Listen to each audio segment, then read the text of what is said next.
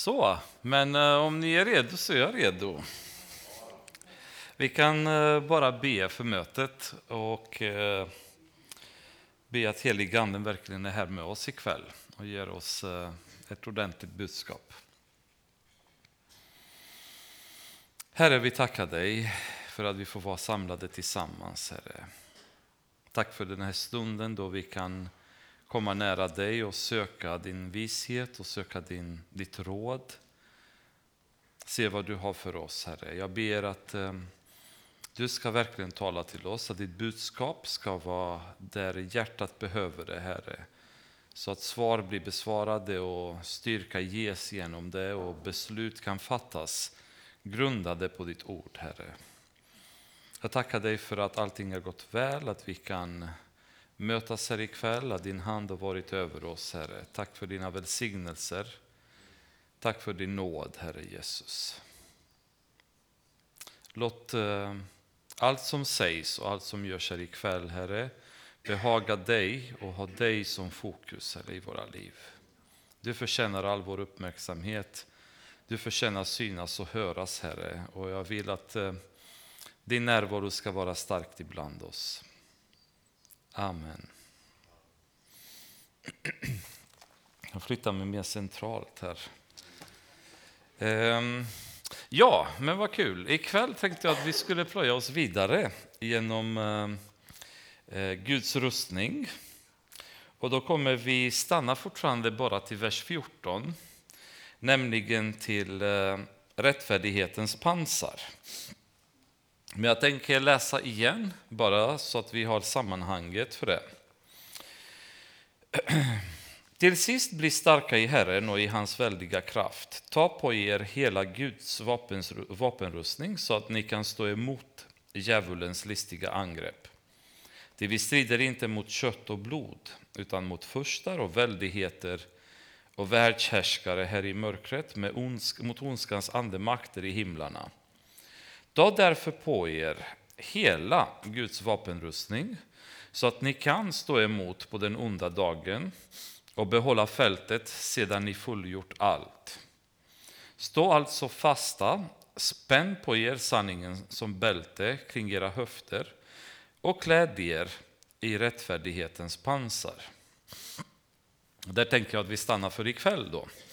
Ehm, och vi såg förra gången att eh, sanningens bälte var ju Guds ord och kunskapen om Guds ord eh, kombinerat förstås med att leva ett liv baserat på den här kunskapen. Då. Ehm, och vi såg bältets funktion för romerska soldaterna, eh, för en soldat som vilken annan, från vilken annan armé som helst också kan man säga. Eh, men ikväll så Paulus går till nästa delen av rustningen och det är ju rättfärdighetens pansar.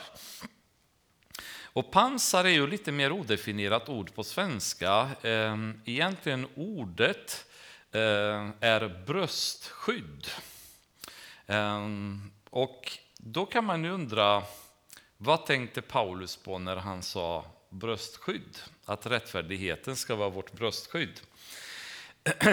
Romerska soldaterna hade ett skydd då som var gjort i väldigt hårt läder som de drog på sig och som skyddade både framsidan och baksidan då, som de knöt fast oftast på sidorna. Så de hade ett väldigt starkt skydd mot de viktiga organen i kroppen kan man väl säga. Hjärtat, levern, njurarna, allt som ligger så att säga i bröstet eller ett slag med svärd framifrån eller bakifrån så skulle de vara skyddade mot dem och skydda sina organ. Om vi ska spiritualisera det hela, eh, vilket jag ibland är lite tveksam till att göra för man kan komma i konstiga tolkningar när man gör det. Då. Men om vi låter eh, våra tankar flöda lite grann kring hjärtat framför allt så ser vi att i Bibeln Faktiskt är hjärtat använt väldigt, väldigt många gånger i olika sammanhang. När det pratas om vilja, om beslut, om kärlek och så vidare som kopplas till hjärtat. Du ska älska Gud från hela ditt hjärta. Um, och hjärtat är det ju, ni kommer ihåg Daniel, han beslutade sig själv i sitt hjärta i kapitel 1. Och det är lite märkligt därför att normalt sett så tar vi besluten med hjärnan, eller hur? Um, men hjärtat används oftast i Bibeln som en, ett, ett centrum för um, avgörande eller inspirerade eller Guds inspirerade beslut och ehm, leder oftast fram till starka driv i, i kristna eller människorna som så att säga, tar de besluten. Ehm, och Det används ganska mycket. Ett annat ord som användes både i Bibeln flera gånger och vi använder även på svenska. Vi säger att vi har en magkänsla när ni, vi, liksom, vi ser någonting, vi förstår någonting. Eh, vi kan ändå inte förklara, men vi går på magkänsla och tar ett väldigt bra beslut. Då. Det ordet faktiskt finns i väldigt många sammanhang i Bibeln där beslut togs på magkänsla då, och som var ledda av heliganden. Och man beslutade just på den här magkänslan, starka känslan av att Gud säger detta till mig. Jag har inte riktigt en, en förståelse för det. Jag kan ibland inte argumentera med Bibeln att det här är rätt eller det här är fel.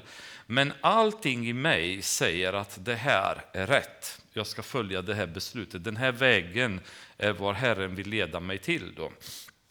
Och det finns, kan man säga, en, eh, jag tror man säger att 830 gånger i Bibeln så nämns hjärtat, varav bara ett litet, litet fåtal av sammanhangen nämns det som bara en, ett, ett vanligt fysiskt organ, utan det, för, det nämns oftast i samband med Guds påverkan över hjärtat, eller hjärtats beslut, eller aktivitet eller action för Gud, eller i olika sammanhang av den typen. Då.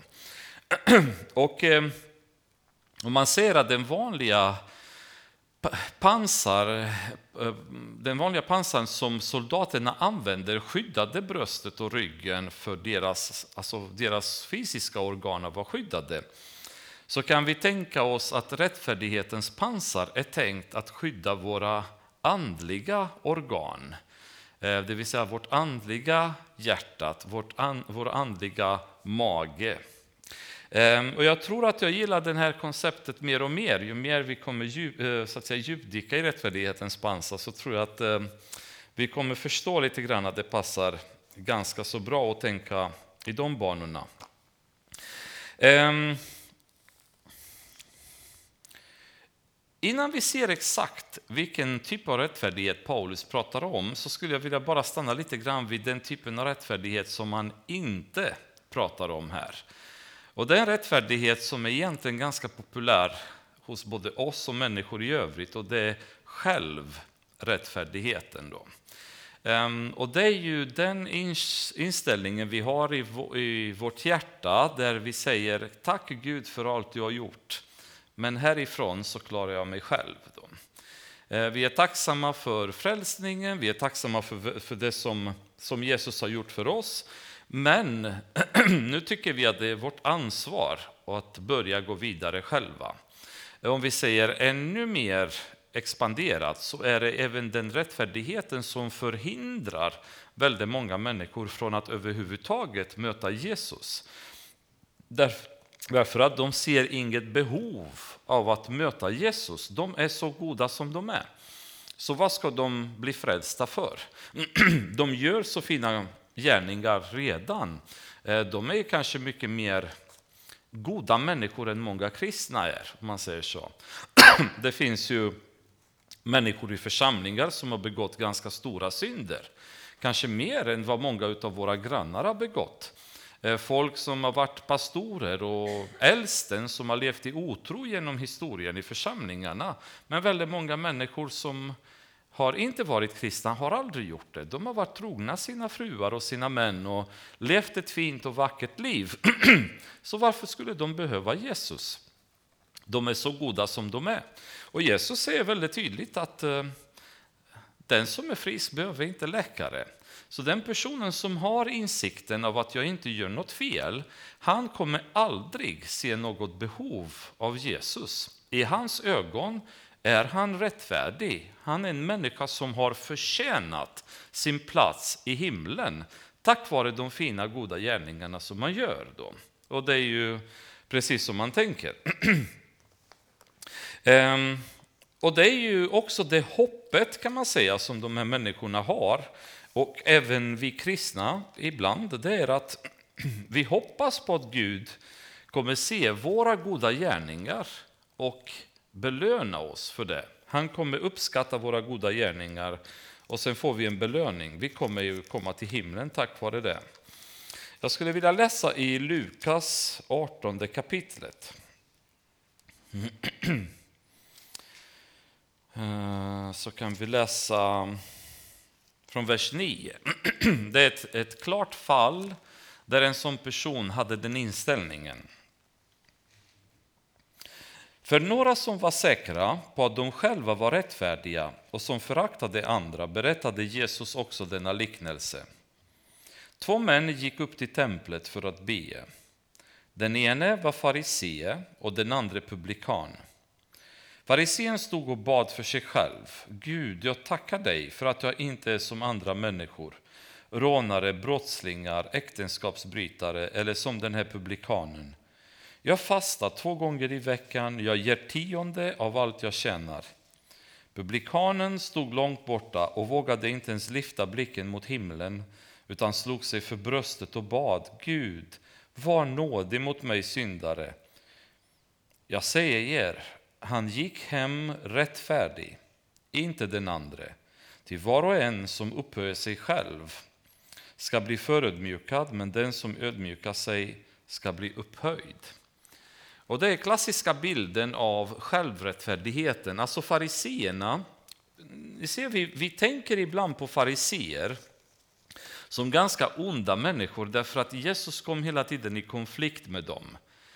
Men i själva verket ska ni veta att fariseerna var inte onda människor i sig. De hade väldigt goda intentioner. Det var människor som dedikerade sitt liv. Ordet farisee har därefter förknippats nu med hycklare. Vi använder det ordet och säger ja, jag ska inte vara en farisé. Men farisé var inget ord som hade med hyckleri att göra i tolkningen eh, i sig, utan fariseerna var hängivna människor som ville verkligen ta Bibeln på allvar och leva efter det. Och de tog varje lag och försökte att styra sitt liv därefter. De försökte att ge tionde, de försökte att gå till templet, de försökte att be, de försökte att hålla lagarna och så vidare. Enda problemet de hade, det är att allting de gjorde, gjorde de i egen kraft, i egen maskin. Och det var aldrig intentionen från Gud i början, utan intentionen var att vi ska jobba tillsammans. Han hjälper oss till att komma någon vart, därför att vi har ingen makt själva. Ehm, Jesaja 64.6 säger vi är alla orena, alla våra eh, rättfärdiga gärningar är som en smutsig klädsel. Och det är ju det problemet som blir när människor försöker i egen kraft att komma nära Gud, det är att det vi gör, vi tar våra, så, tänk smutsig klädsel, kallingar, stinkande strumpor, allt det här som är riktigt äckligt på våra kläder, som vi så stolt och glatt sträcker fram till Gud och säger, titta Gud, Ta, acceptera oss på grund av detta. Kolla vad vi har gjort. Och Gud bara säger som han ropar i Jesaja också. Jag är trött på era fastedagar. Jag är trött på de här offer som ni hela tiden gör för mig som är meningslösa. Varför? Därför att ert, ert hjärta är inte med. Så alla dessa vackra gärningar är bara smutsiga inför Guds ögon. De är värdelösa och tar inte oss någonstans. Då. Och det är ju problemet med, med självrättfärdigheten. Det är ju att den som är självrättfärdig inser inte att man behöver Jesus. Man kan säga att självrättfärdigheten, om man ska vara riktigt krass, är en ganska stor förolämpning mot Jesu offer. Det vi säger till Jesus det är att eh, du hade egentligen inte behövt gå, komma och dö och gå igenom allt det lidandet. För vi hade ju klarat oss själva. Så det är ganska så, så otäckt sätt på något sätt att, att tilltala Gud eller visa Gud att jag förtjänar frälsning, jag förtjänar förmån, jag förtjänar din uppmärksamhet, din kärlek baserat på den jag är. Men om jag kan bli rättfärdig själv, varför har Jesus behövt komma? Då har, har jag missat uppenbarligen budskapet. Ehm, Jesus säger väldigt tydligt då att utan mig kan ni inte göra någonting. Så den här eh, långa listan av goda gärningar som vi tror vi gör är egentligen ingenting som är värt någonting. Därför att utan Jesus kan vi inte göra något. Vi kan inte ens göra goda gärningar utan honom. Paulus sätter väldigt eh, stor betoning på detta i Filippibrevet, tredje kapitlet, där han skriver så här, vers 4. Fast jag kunde förlita mig på yttre ting. Ja, om någon menar att han kan förlita sig på yttre ting så kan jag det ännu mer. Jag som blev omskuren på åttonde dagen och som är av Israels folk och Benjamins stam, en hebré, född av hebreer. Jag som i fråga om lagen var en farisee, i fråga om iver en förföljare av församlingen, i frågan om rättfärdighet den som vinns genom lagen, en oklanderlig man. Men allt det som var en vinst för mig räknar jag nu som förlust för Kristi skull. Ja, jag räknar allt som förlust därför att jag har funnit det som är långt mer värt, kunskapen om Kristus Jesus, min Herre. Paulus var den personen som tog sin uppgift på allvar. Och han säger i form av eh, den rättfärdighet som vinns genom lagen, alltså i form av de krav som Gamla testamentet ställde på honom, så säger han jag var en O, klanderlig person. Elise som plöjer sig genom Moseböckerna nu med massa lagar hit och dit. Och hon, hon höll på att få panik nästan av alla eh, offer och regler och ceremonier och så vidare som skulle hållas till punkt och prick. Och Paulus säger, det här har jag gjort. Alltså hela den här labyrinten av lagar och traditioner och vilka kläder som ska användas när, vilka böner som ska sägas när, hur man ska leva sitt liv. Det har jag gjort in i den minsta detalj och jag är en oklanderlig person. Och ovanpå det, säger han, dessutom så har jag förföljt kyrkan, vilket var en eh, väldigt fin sak kan man säga för en farisé att göra. Eh, att, att kunna förfölja dessa heretiska grupp människor som spred villoläror. Det har jag också gjort, säger Paulus. Inte bara att jag har levt, utan jag har till och med gått och förföljt församlingen. Men allt detta räknar jag som förlust för Kristi skull. Och ordet förlust som han använder här är egentligen mycket allvarligare. Han säger super, är ordet på grekiska. Allt det här är skräp för värdet av att möta Jesus Kristus och få kunskapen om honom. Så eh, den här rättfärdigheten i alla fall är den som vi ska avstå ifrån som kristna. Men rättfärdigheten som vi tyvärr alltför ofta lever i, eh, inklusive jag. Och jag tror att många av oss kan titta tillbaka när vi vi tittar på folk i församlingen, om vi bara uppehåller oss till församlingen och inte går utanför församlingen, för där, där pekar vi fingrar åt alla håll på folk. Men även inom församlingen så har vi eh, många gånger en väldigt dömande attityd mot sådana som inte höjer sig till den nivån av rättfärdighet som vi har höjt oss till. Det intressanta är att ingen av oss är helt rättfärdig. Det som har hänt är att vi blivit specialiserade för vissa områden av rättfärdighet. Vissa av oss är väldigt bra på att komma till bönen. Vissa av oss är väldigt duktiga på att sjunga. Vissa av oss är duktiga på att städa. Vissa av oss är duktiga på att besöka de gamla eller höra av oss till någon som är sjuk och så vidare. Och då tycker vi många gånger att det är väldigt dåligt att andra inte gör det, att bara jag måste göra detta. Eh, att de inte förstår vikten av det här. Eh, och ni förstår hur perverst det blir att någonting som är gott i sig, eftersom vi gör det med fel anledning och fel inställning i hjärtat, så blir det något dåligt. Så djävulen permanent försöker att ljuga för oss och få oss att tro att vi är så mycket bättre än alla andra. Därför att titta på vad jag gör. Det är som farisén säger, jag ger tionde. Och där sitter jag och tänker på när eh, Kurt sitter och rapporterar och det finns inte tillräckligt med pengar i församlingen så kan jag sitta där i min eh, självrättfärdiga inställning och tänka hmm, vad dåliga andra är. Tänk om de skulle ge tionde som jag. Då skulle vi slippa det problemet. Ehm, ni förstår hur hur lurigt djävulen försöker att krypa in i oss och börja få oss att tycka att ja, men jag är ju faktiskt, faktiskt mycket bättre än många andra i församlingen. Eller hur? men även motsatsen funkar på, sam, på samma sätt.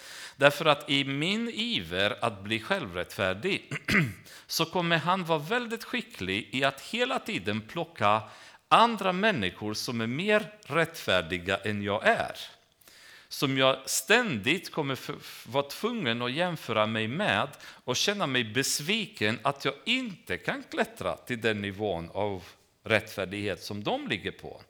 Och en del i församlingen är kanske väldigt aktiva och ställer upp och gör en massa saker. Och där sitter jag och tänker på att hmm, jag gör så lite, vad dålig jag är. Jag måste vara riktigt, riktigt dålig. Gud är säkert sur på mig för att jag inte ställer upp på alla dessa områden. Ehm, jag har inte varit och hjälpt på gänggåvan. Kanske jag är väldigt dålig på grund av det. Kanske väldigt kass. Tänk om jag hade haft den energin, den glädjen som många har i att vara på gänggåvan och hjälpa till. Men jag kan inte, eller jag orkar inte, eller jag har inte känt att det har varit för mig. Det är dåligt. Jag känner mig väldigt knäckt på grund av det. Så oavsett hur man gör så försöker djävulen att knäcka oss. Om, om jag tror att jag är för bra, då blir jag knäckt av mitt högmod. Om jag tror att jag är för dålig, då blir jag knäckt av min depression. Och det faktum att jag tycker att jag är så mycket sämre, jag duger inte till någonting. I vilket fall som helst har han neutraliserat oss. Och han har fått oss att inte kunna leverera någonting för Gud. Utan vi lägger, den första ligger på sidan för att han är i köttet så det skriker om honom. Den andra ligger på sidan för han gråter över sin egen situation och kommer ingen vart. För att han sitter där och bara tänker, jag duger inte till något, jag kan inte göra någonting. Låt andra göra det. De, den rättfärdighet egentligen som jag tror Paulus pratar om, det är ju tvåformat här och man kan ju leka med tanken och säga eftersom pansaren var tvådelat, bröst och rygg, så kan vi tänka på att det skulle vi kunna se som tvådelad rättfärdighet. Det ena är vad jag skulle kalla för en positionsbaserad rättfärdighet och den andra en praktisk rättfärdighet. Om vi börjar med med positionsbaserade rättfärdigheten. Eller innan vi går in på det så skulle jag säga, vad är egentligen rättfärdighet? vad är det för ord och vad betyder det? Ehm, jag tror att en klar förklaring av det är ehm, att leva upp till den standarden som Gud förväntar sig att vi ska e-, leva upp till. Vi kan ju ersätta det med helighet kanske, eller andra um, egenskaper eller andra attributer. Men jag skulle säga för mig, detta sammanfattar konceptet av rättfärdighet. Leva upp till den standarden som Gud förväntar sig eh, från människor att leva upp till. Eh, och då är det ju ett exempel för varför rättfärdigheten blir så tuff för oss. Eh, därför att Guds standard är väldigt hög. I tredje Moseboken 19.2 han säger ni ska vara heliga, ty jag, Herren, er Gud, är helig. Med andra ord, den nivån som jag är på, det är den nivån ni ska klättra upp till.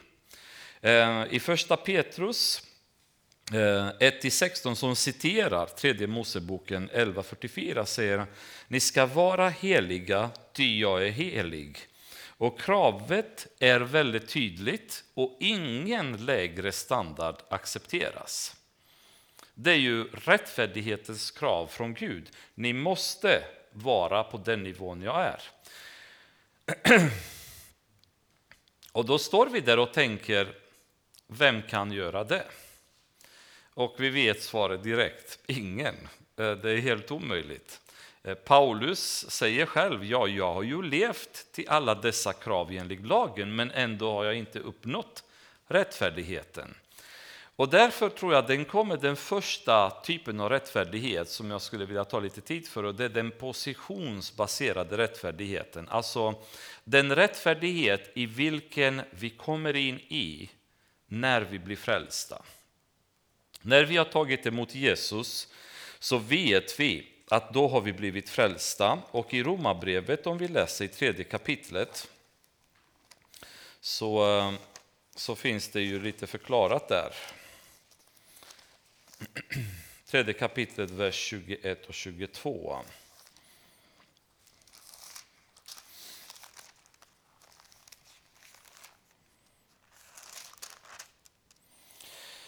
Men nu har utan lagen en rättfärdighet från Gud blivit uppenbarad. En som lagen och profeterna vittnar om. En rättfärdighet från Gud genom tro på Jesus Kristus för alla som tror. Och det här måste ni förstå att det var som en bomb från klar himmel, eller som en blixt från klar himmel, heter det på svenska. Annars kommer Elise kritisera mig när jag kommer hem, så jag måste få det rätt. Um, I den judaiska lagen så visste man att man behöver arbeta upp sin rättfärdighet. Man behöver fullfölja alla dessa lagar och skrifter för att komma någon vart. Och råkade man synda, då fick man offra djur för att kunna botgöra sina synder. Men Paulus kommer nu och säger, det jag pratar om nu, det är en helt annan typ av rättfärdighet än det ni har tänkt på tidigare. Och det här är en rättfärdighet som kommer från Gud. Inte från er längre, utan den här rättfärdigheten kommer från Gud genom tro på Jesus Kristus. När ni tror på Jesus, då blir ni per automatik rättfärdiga inför Guds ögon. När ni tror på Jesus så lyfter ni er till den standard som Gud förväntar sig att människorna ska vara på, eller upp till ska de höja sig då blir ni rättfärdiga i Kristus. Och detta är det klart att det skapat väldigt mycket funderingar kring judarna som allting i deras värld, allting handlade om praktisk eh, aktivitet eller goda gärningar för att du ska komma någon vart. Paulus säger, det är inte det det handlar om. Det det handlar om det är att det är genom Jesus Kristus så får man nu, man får.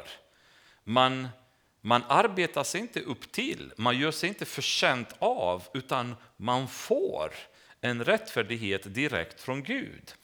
I Efesierbrevet, som vi har läst tidigare, i andra kapitlet, men som vi kan gå tillbaka till, vers 8 och 9, så säger Paulus, igen, ty av nåden är ni frälsta genom tron, inte av er själva, Guds gåva är det, inte på grund av gärningar för att ingen ska berömma sig, till hans verk är vi skapade i Kristus Jesus till goda gärningar som Gud har förberett så att vi ska vandra i dem.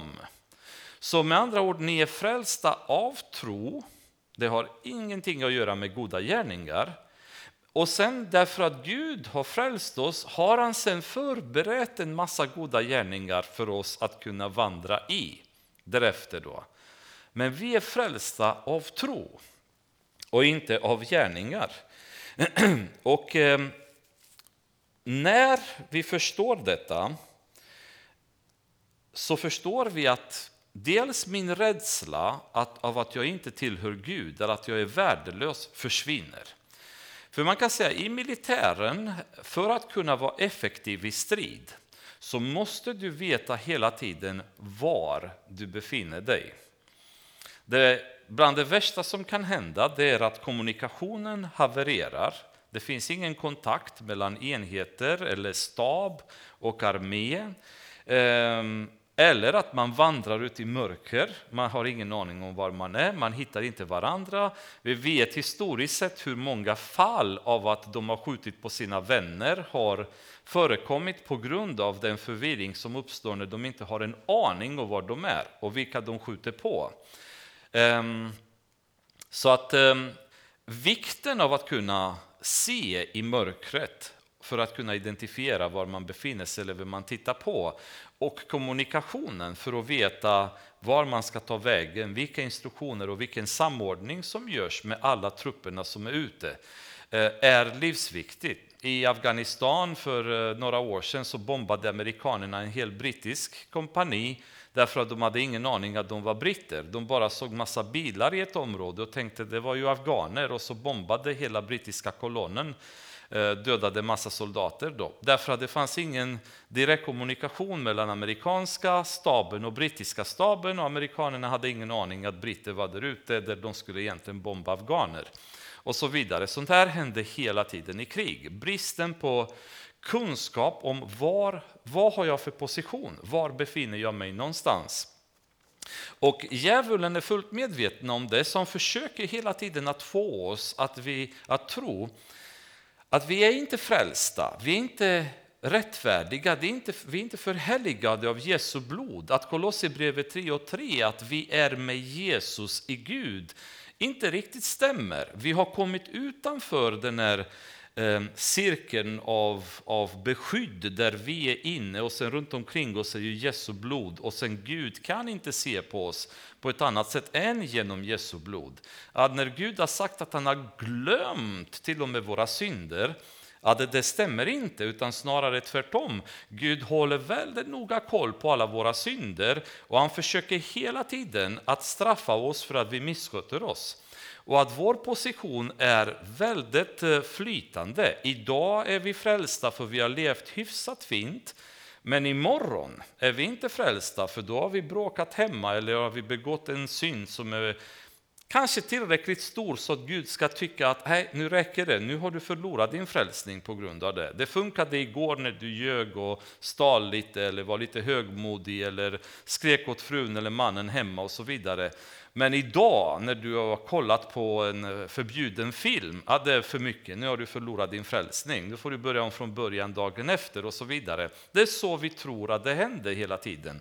Och djävulen sitter och häller bensin på den här elden och matar den här osäkerheten hos kristna, för är man inte säker på ens position, vad ska man göra? Vilket väg ska jag gå? Vad ska jag satsa på? Vad ska jag prioritera i mitt liv? Och Jehovas vittnena de vet att om de inte delar ut tillräckligt med tidningar då kommer de inte kvala in bland de enda 144 000 människorna som Gud kommer frälsa från jorden till himlen. Så det gäller att du, du trycker in så många tidningar du bara kan i näven på folk för att du ska kunna kvala in bland de 144 000. Men när har du tryckt tillräckligt med tidningar i näven på folk? Det lär du aldrig veta. Utan du får bara ösa på med tidningar hela ditt liv, allt du bara kan, i hopp om att du kanske kommer klara dig. En muslim vet aldrig om Allah kommer ta emot honom eller inte. Eh, oavsett hur många eh, så att säga, pilgrimsresor de gör till Mekka oavsett hur många böner de säger varje dag, allmosor till fattiga och så vidare, du vet inte om Allah kommer acceptera dig. Han kanske gör, han kanske inte gör. Men djävulen har hittat en genväg i det fallet och då finns det det som kallas för jihad. Att om du dör som martyr för Allah, då kommer du raka vägen upp till himlen. Så om du spränger massa folk till döds eller du kastar ditt liv i ett eh, strid mot otrogna, då blir du belönad av Allah. Och då, då ger du oss en bild varför eh, islam verkar vara en religion som ehm, på något sätt prisar döden eh, och, och självmordet så mycket. Därför att det är egentligen enda sättet du vet att du med säkerhet kommer till himlen. Det är om du går och gör jihad och spränger massa folk till döds. Då är jag säker på det. Sen tror jag att de kommer bli väldigt överraskade och se var de kommer efter det. Då. Men, men de tror i alla fall att de har hittat en bra genväg. Och så vidare och så vidare. I kristendomen så kommer Jesus och säger allt som krävs är att du tror på mig. Att du tror på mig. Men jag, jag känner inte att jag är frälst. Du vet, eh, många människor har såna här jättehäftiga upplevelser kring frälsning. Jag var med på Segulstorp och det var den här fina lovsången. Och då kände jag bara hur det bara pirrade i hela kroppen och jag hörde ingenting. Och så hörde jag bara mitt hjärta ropa till Gud och då vet jag att jag blev frälst den dagen. En annan eh, säger att jag var med i den här händelsen och plötsligt så upplevde jag att nu blev jag frälst och så vidare. Men sen sitter den här stackaren som har kanske vuxit i kyrkan, gått år efter år på mötena, eh, alltid trott på Herren, alltid liksom sett det som viktigt. Och någonstans i livet, 12, 13, 14, 15 års ålder, när som helst, så har man bestämt att nej, men jag vill döpa mig för jag vill följa Herren. Men det har inte varit någon jordbävning i deras liv. Det har inte varit eh, eh att de har hört saker, sett saker eller eh, pirrat i kroppen eller trillat på marken eller vad som helst. Men de har tagit ett beslut att jag vill följa Jesus. Är den frälsningen eh, okej okay eller inte? Djävulen säger nej, nej, nej, du kan inte vara frälst. För du har inte haft de här skakande upplevelser när eh, det var ett häftigt möte när folk föll på marken och du var bland dem allihopa och predikanten skrek och lovsången som bara den och så vet du, du, du kände att det skakade i hela kroppen. Gjorde du inte det, då kan du inte vara frälst. Kolla på de andra, vilken upplevelse de har haft. Där har det varit på riktigt, de har mött Jesus på riktigt. Hur har du mött Jesus? Den frågan ställde jag mig jättemånga gånger, för jag hade ingen jordbävning i mitt liv. Utan det var ett beslut när jag var 16 ungefär, att äh, men ja, ja, det, det finns inget annat. Det, det, var ju liksom det enda som gällde. Um, och det är väl länge jag har funderat på, hmm, var det på riktigt? För jag kände inte att jag svettades extra eller att jag hoppade upp och ner eller jag hörde att huset skakade eller något sånt. Men visst är det äkta, för Jesus säger att det enda ni behöver det är tro på mig.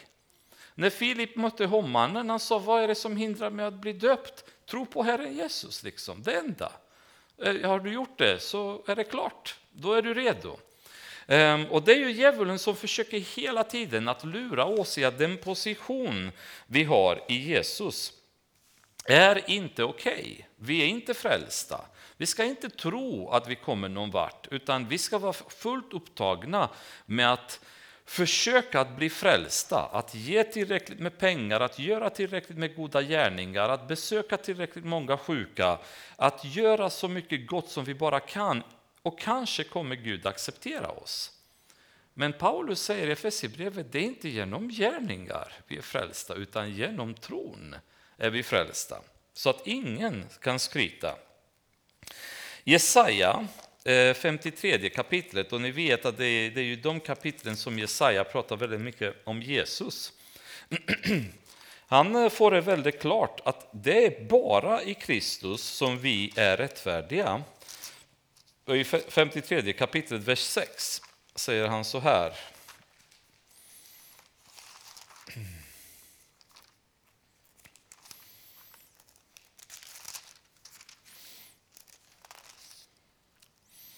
Vi gick alla vilse som får, var och en gick sin egen väg, men all vår skuld lade Herren på honom. Alla synder som vi någonsin har begått, som vi begår och som vi någonsin kommer att begå är redan betalda för av Jesus. Och det är en väldigt trösterik tanke att ha i oss och veta att alla våra synder som vi någonsin har begått, begår eller någonsin kommer att begå är redan betalda för. Blodet räcker för alla människors synder. Jesaja 61 kan vi vrida, äh, eh, vända till. Eh, 61, vers 10, precis början på vers 10.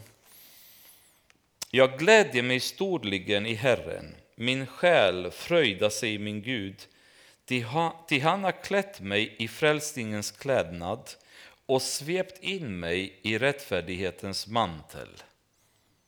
Det är Herren som har svept in oss i en rättfärdighetens mantel. Det är inte vi som har tagit på oss den manteln, utan det är Gud som när vi har kommit till Jesus har stått med den här manteln och sagt välkommen in och satt på oss den manteln. Och så har vi kommit in och då är vi rättfärdiga, för han kan inte se på oss på något annat sätt än genom Jesu blod. Och det ger oss den här rättfärdiga manteln. Och vi tror ibland att vi är eländiga och usliga och så vidare. Och vi har ingen aning om hur vackra vi är i Guds ögon. Därför att han ser på oss genom Jesus hela tiden. Och Jesus säger alltid, de, deras synder är betalda för. Deras synder skall inte synas, skall inte räknas. De är borta, de är betalda. Jag har friköpt dem och de tillhör mig. Och Det är en väldigt spännande tanke att ha. I Romarbrevet så säger Paulus så finns det ingen fördömelse för dem som är i Kristus Jesus. Så att vara medvetna om vår position eliminerar helt och hållet vår rädsla. Då är vi inte rädda, då är vi inte skakiga längre, utan då vet vi att vi är frälsta, vi tillhör Herren och ingen kan rycka oss ut ur Herrens hand. Vi är ju bara hans. Och det är tyvärr så att det är väldigt, väldigt många kyrkor idag som eh, man kan säga eh, är väldigt oklara i den här undervisningen kring frälsning. Ehm, och jag har ju vuxit upp i många år utan att veta om jag är frälst eller inte. Vissa dagar när jag bad mycket hemma, läste Bibeln, hade jätteskön relation med Gud, då kände jag mig frälst. Det kändes som att ah, men jag, jag, jag är Gud, så jag är på god väg. Men andra dagar alltså, då kände jag mig inte alls frälst. För det var ingenting i mitt liv då som speglade Gud. Världen runt omkring mig kunde inte titta på mig och se mitt beteende och, och se att jag var Guds barn och var en, en spegel av Jesus för resten av världen. Så då kände jag alltid att Nej, men nu är inte jag frälst längre. Nu måste jag arbeta på min frälsning igen och börja be och börja läsa Bibeln och närma mig Gud. Då. Men det är en väldigt ett väldigt tragiskt sätt att tro att mina goda gärningar är värda någonting inför Gud. Det är inte värda någonting och det är kanske svårt för oss att begripa för vi vet mycket väl vilka vi är. Ehm, utom Gud så är det ingen annan som känner oss så väl som oss själva. Så när vi står och tittar oss själva framför spegeln ibland och förstår hur fortfarande dåliga vi är på många sätt kan man säga, hur mycket synden är fortfarande en del av våra liv och hur mycket problem vi har att leva ett rent liv, så blir det svårt för oss att acceptera att trots detta så älskar Gud oss och han ser på oss med glädje. Inte på det vi gör, men på det vi är. Det är det han tittar på. Vilken position vi har i honom, det ser han med glädje på och han blir lycklig när han ser sina barn. Och det är ju den här eh, positionsbaserade rättfärdigheten så att säga som, som jag tycker är första delen av den här pansan som vi behöver eh, vara medvetna om när vi går i strid. Andra delen blir lite lurigare. Och det kommer jag försöka att vara så klar som möjligt kring och det är vad jag skulle kalla för en praktisk rättfärdighet. Det är den rättfärdigheten som Paulus pratar i Efesierbrevet som säger att efter att Gud har valt oss till att bli frälsta genom tron, sen har han förberett för oss en massa goda gärningar att vandra i. Så goda gärningarna kommer vi inte ifrån trots allt. För att man kan inte vara ett gott träd och bära dålig frukt. Så om vi har blivit ympade i Jesus, som Paulus pratade en annan gång, så kommer vi nu bära god frukt. Vi kommer nu ha eh, goda gärningar och vandra i. Ehm, Johannes, eh, vers 1, eh, förlåt, eh, första kapitlet, vers 7, skulle jag vilja bara läsa. För Bibeln är faktiskt full med uppmaningar om hur vi ska leva ett rent liv med Gud. Ehm, vers 7.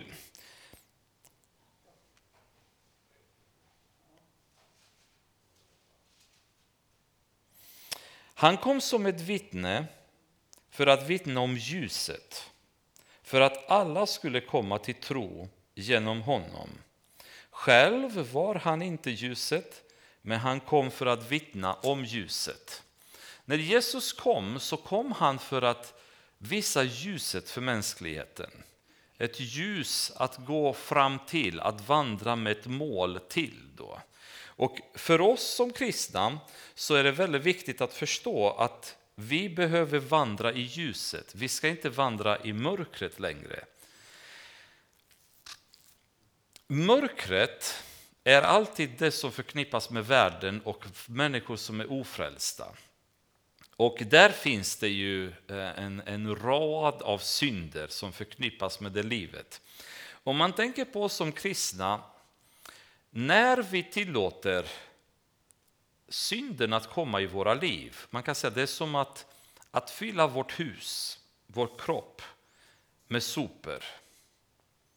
Det börjar bli smutsigt i våra liv. Det börjar bli um, det börjar stinka i våra liv. Och det är illa nog när det sker.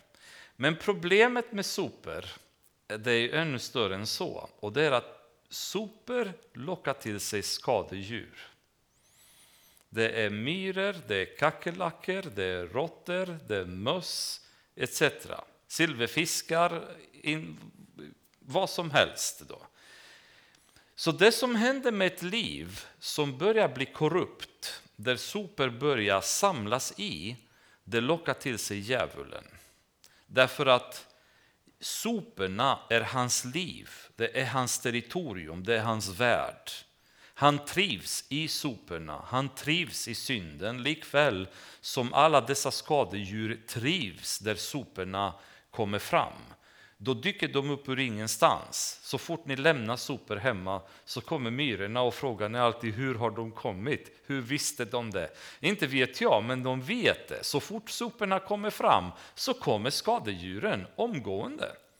Eh, och det är precis som med djävulen, så fort människorna tillåter sig att fyllas av synd, det är ju en lockelse för djävulen att komma dit. Han, han hittar grogrunden där han ska växa, trivas, kalla på fler dit.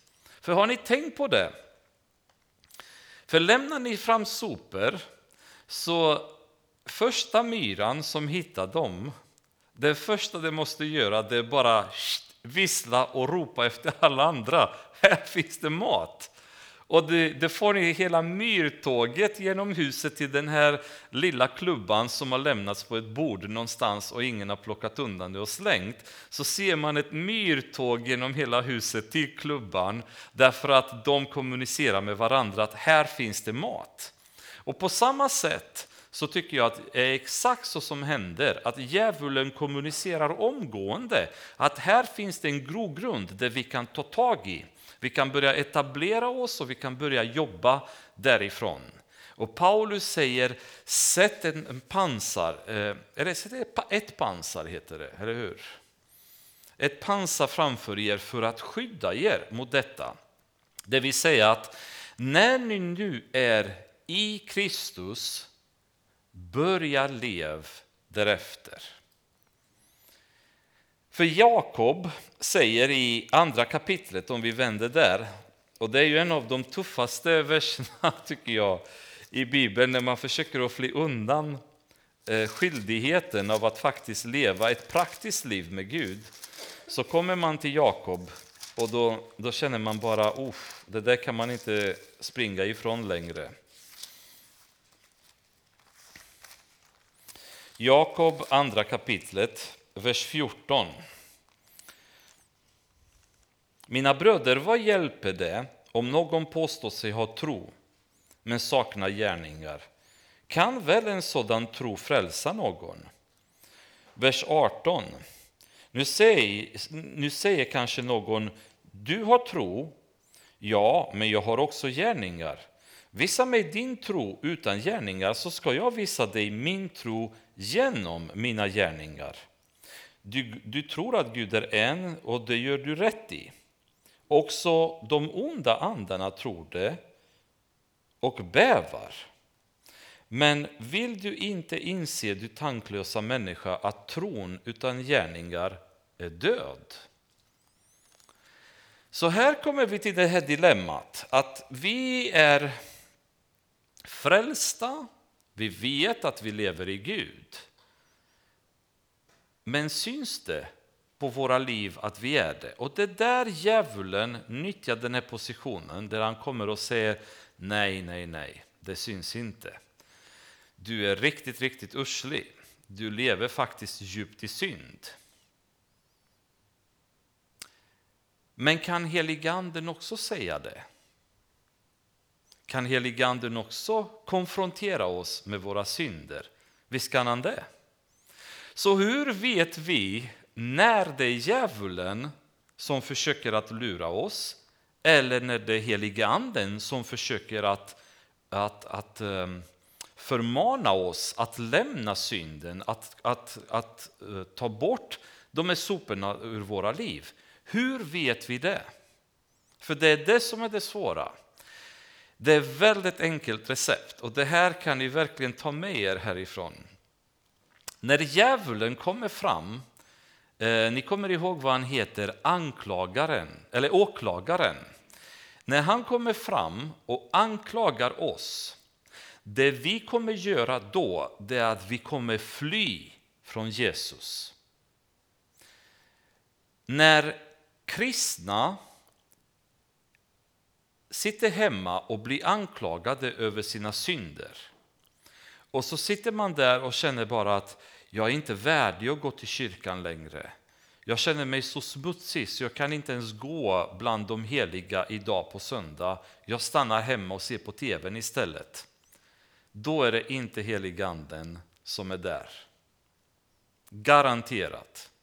När djävulen kommer anklaga någon eller konfrontera någon med synden, automatiska reaktionen hos den personen kommer vara att fly från Jesus, att fly från familjen, att fly från församlingen, att fly från de människor ehm, som lever ett gott kristet liv, att gömma sig, vill inte vara med längre. När heliga anden konfronterar oss med sanningen och avklär oss och visar att vi lever i synd, vi har problem i våra liv som vi måste lösa. Reaktionen är precis det motsatta. Vi flyr till Jesus och söker hjälp. Vi flyr aldrig från Jesus när heliganden möter oss i vår synd. Utan då flyr vi till Jesus och ber om hjälp och ber om nåd och faller vid hans fötter och vi tar emot hans hjälp. Det är den automatiska reaktionen när heliganden konfronterar oss. Om ni någonsin känner det andra, då måste ni veta att det är inte heliganden som pratar med er, utan då är det djävulen. När reaktionen är att fly från Gud, att undvika Gud, det är aldrig heliganden. Heligandens eh, eh, inställning det är alltid att få oss till Jesus. Alltid få oss till Jesus, alltid få oss till Jesus oavsett. Och när vi konfronteras med synden och heliga anden säger du måste skärpa dig, det här måste bort ur, dina liv, ur ditt liv, då vet vi ett ställe där vi ska fly för att få hjälp. Och då är det Jesus. Och han till och med hjälper oss dit till Jesus så många gånger. Så mycket så att Paulus i Korintierbrevet säger att heliganden, när vi pratar i tungor, pratar till Gud åt oss å våra vägnar. När vi inte orkar, när vi inte kan, när våra ord inte räcker till, då tar heliganden över och växlar upp då för att ta oss till Jesus och få den hjälp som vi behöver och den välsignelse som vi behöver. För att han är så mån om att alltid, alltid, alltid leda oss till Jesus. Heliganden kommer aldrig någonsin konfrontera oss och få oss att fly från Jesus. Så det är väldigt enkelt. Man kan tro att det är väldigt besvärligt och man, det kan vara väldigt svårt att urskilja, men det kommer aldrig ta fel. De här två kommer, eh, situationerna kommer ni alltid känna i era liv, att antingen vill ni inte komma till kyrkan, ni skäms, ni, ni vill bort, ni vill inte höra, ni vill inte läsa Bibeln därför att varenda gång ni läser det så, så är det som om någon kastar sand i ögonen på er och då vill ni inte läsa Bibeln längre. Och ni känner bara, hur ska jag gå och be nu när jag håller på som jag gör? Mina böner är inte ens ärliga, varför ska jag ens gå och be? Och varför ska jag gå till kyrkan och låtsas som att jag är någon när jag egentligen inte är alls intresserad och mitt liv är korrupt och jag, jag är inte värdig att sitta bland dem? Då vet ni vem åklagaren är bakom. Väldigt enkelt och väldigt effektivt då. Eh, ett, ett bra sätt. Den här praktiska rättfärdigheten, eller de här goda gärningarna som vi ska leva i, det intressanta är här också att det är ändå inte vi riktigt som gör dem. För att om vi skulle vara det, då skulle vi bli återigen väldigt högmodiga och tycka att vad bra jag är. Nu när jag är frälst så verkar det som att jag klarar mig väldigt bra. Jag lyckas och hålla mig nära Gud. Då jag lyckas få de här rutinerna i mitt liv och läsa Bibeln regelbundet och be regelbundet och ge regelbundet och så vidare. Men glöm inte att allt förmår vi i honom, inte i oss själva. Så när vi lever ett gott liv, det är oftast för att det finns någon bakom som trycker oss. Det är någon som pushar oss fram och det är heliganden. Han ger oss kraft. Och Jesus sa även till lärjungarna, gör ingenting innan heliganden kommer. Där börjar allt. För han kommer ge er kraft, han kommer ge er vishet, han kommer ge er vilja. Han kommer ge er en, en tydlig väg att gå på. Och samtidigt som ni tar steget så lyfter han samtidigt foten och lägger det fram. Så var börjar min insats och var tar Gud över? Om jag ska vara ärlig så har jag inte en blekaste aning. Jag vet faktiskt inte. Men jag är helt införstådd med att om jag tar ett steg åt ett rätt håll, det är för att Gud leder mig dit och hjälper mig dit. Om jag tar ett steg åt fel håll, det är för att jag har tagit över och bestämmer själv. Gud kommer aldrig leda mig dit, han leder mig alltid rätt. Och ni kommer ihåg det här i sanden när man ser fotspåren och så vidare. Ni kommer ihåg illustrationen jag gav er med pojken som skulle skjuta pilbågen men pappa låg bakom och drog i strängarna. Det finns en, en symbios mellan oss och Gud där vi jobbar tillsammans, där vi gör saker tillsammans. Vem som gör vad, det är väldigt oklart. Men det som är väldigt klart, det är att i honom förmår vi göra allt. Utan honom kan vi inte göra någonting. Paulus ehm, kan vi läsa i Filipperbrevet, andra kapitlet. Vers 13. Han säger så här.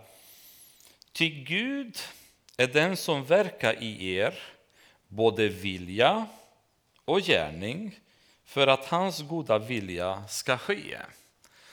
Och det är en väldigt, väldigt vacker vers, men väldigt svår vers att egentligen förstå i grunden.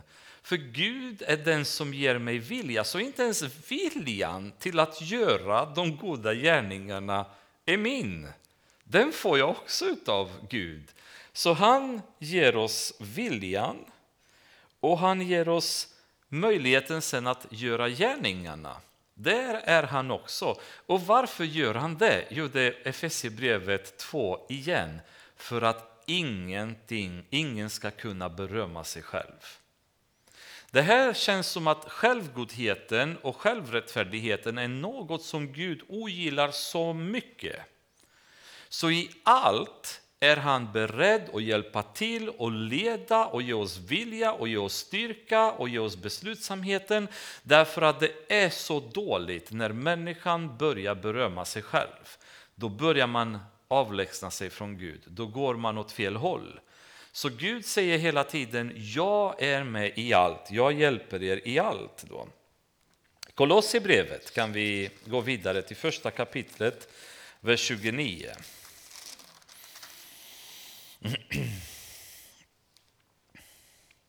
För det målet arbetar och kämpar jag i hans kraft som verkar mäktigt i mig.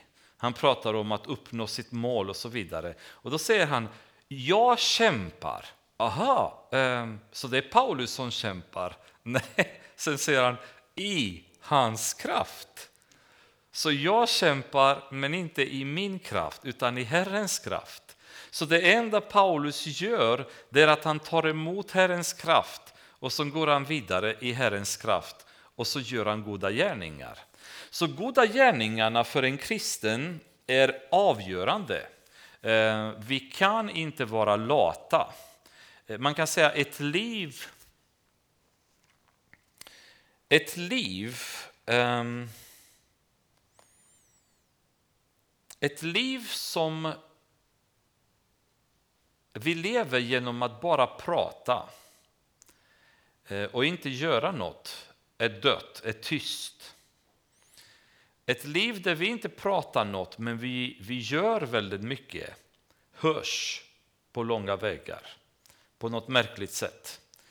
Um, och vi kristna ibland har blivit väldigt lata när det gäller vår uppoffring och vår seriositet i att följa Gud in i minsta detalj och verkligen ta det på allvar. Men ju mer oseriösa vi har blivit, desto skrikigare har vi blivit istället. Ju mindre vi lever i en praktisk rättfärdighet, där vi i Herren lever i goda gärningar, eh, gentemot varandra, gentemot människorna runt omkring, desto mer måste vi eh, så att säga, kompensera för den, för den oförmågan med att skrika ut budskapet istället.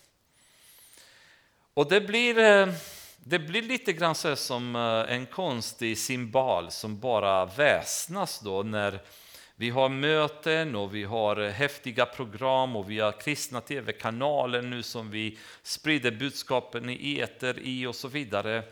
Men hur lever vi egentligen? Hur länge kan vi lura våra grannar att tro att vi är kristna genom att bara säga kan du läsa den här boken?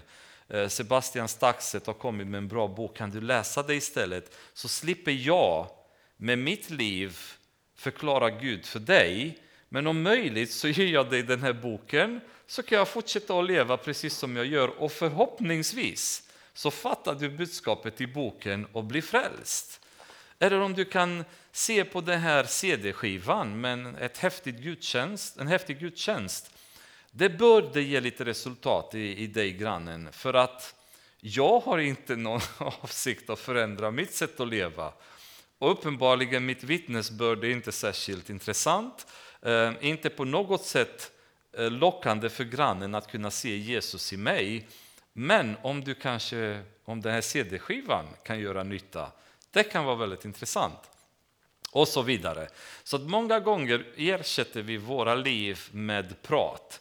Och eh, det är ju det som är det svåra, för att, att leva ett rättfärdigt liv, att kunna skydda vårt hjärta, att kunna skydda vår andliga vårt andliga väsen kan man säga i vår kropp så kräver det dels att, dels att vi är frälsta och vi är medvetna om vår position.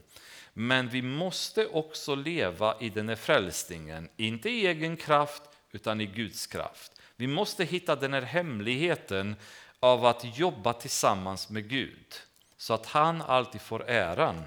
Och då är det frågan, hur kommer vi dit?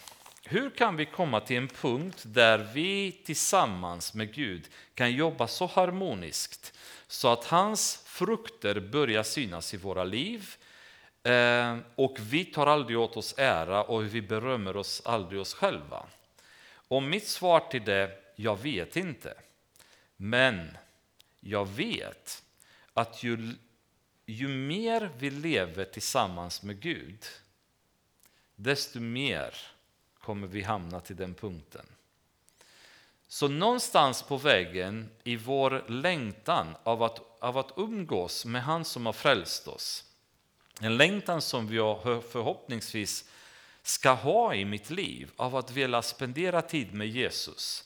För Paulus säger allt annat är bara super i jämförelse med honom. I den relationen som vi tillsammans kommer utveckla när, vi, när jag ber, när jag pratar med Jesus, när han pratar med mig, när jag läser hans ord och vi umgås. Någonstans på vägen där så kommer vi två börja bli synkade och jobba, hand, alltså jobba tillsammans. Och då plötsligt så kommer hans kraft manifestera sig genom mig. Jag kommer inte ta åt mig äran utan jag kommer kunna gå på vattnet i hans kraft och med hans förmåga och kunna utföra stora gärningar genom hans kraft. Och med den vilja som han lägger i mitt hjärta någonstans längs med vägen när vi vandrar tillsammans. Och Paulus säger, för att kunna stå fast så måste vi ha på oss det här, det här pansaret. Vi måste ha rättfärdighetens pansar på oss. Annars står vi inte fast. Herre Jesus, vi vill tacka för det. Jag vill tacka dig för den frälsning vi har fått. Jag vill tacka dig för att du har aldrig, aldrig gett upp. Tack Jesus att du, till skillnad från många av oss kanske, du har aldrig varit beredd att fly från lidandet. Att kunna backa när det var för tufft, Herre, utan du har gått hela vägen. Och jag ber att du ska inspirera oss att vandra med dig på det sättet, Herre. Men att låta dig ta över våra liv, där du kan styra vår vilja, där du kan styra, styra våra gärningar och våra beslut, Herre. Jag tackar dig för rättfärdigheten och den position som vi har i dig, för att du hjälper oss, Herre, att kunna stå fast när djävulen anfaller oss och slår hårt mot våra kroppar, Herre. Jag tackar dig för det. Jag ber för var och en här ikväll, Herre, att du ska hjälpa dem att gå hem och känna sig säkrare i den position de har i dig och kunna känna att det finns ingen som kan rycka dem loss ur din hand, Herre Jesus. Den vetskapen har på många sätt, Herre, förändrat mitt liv och förändrat många liv, Herre, genom historien. Vetskapen om att vi är dina och ingen kan ta oss från dina händer. Amen.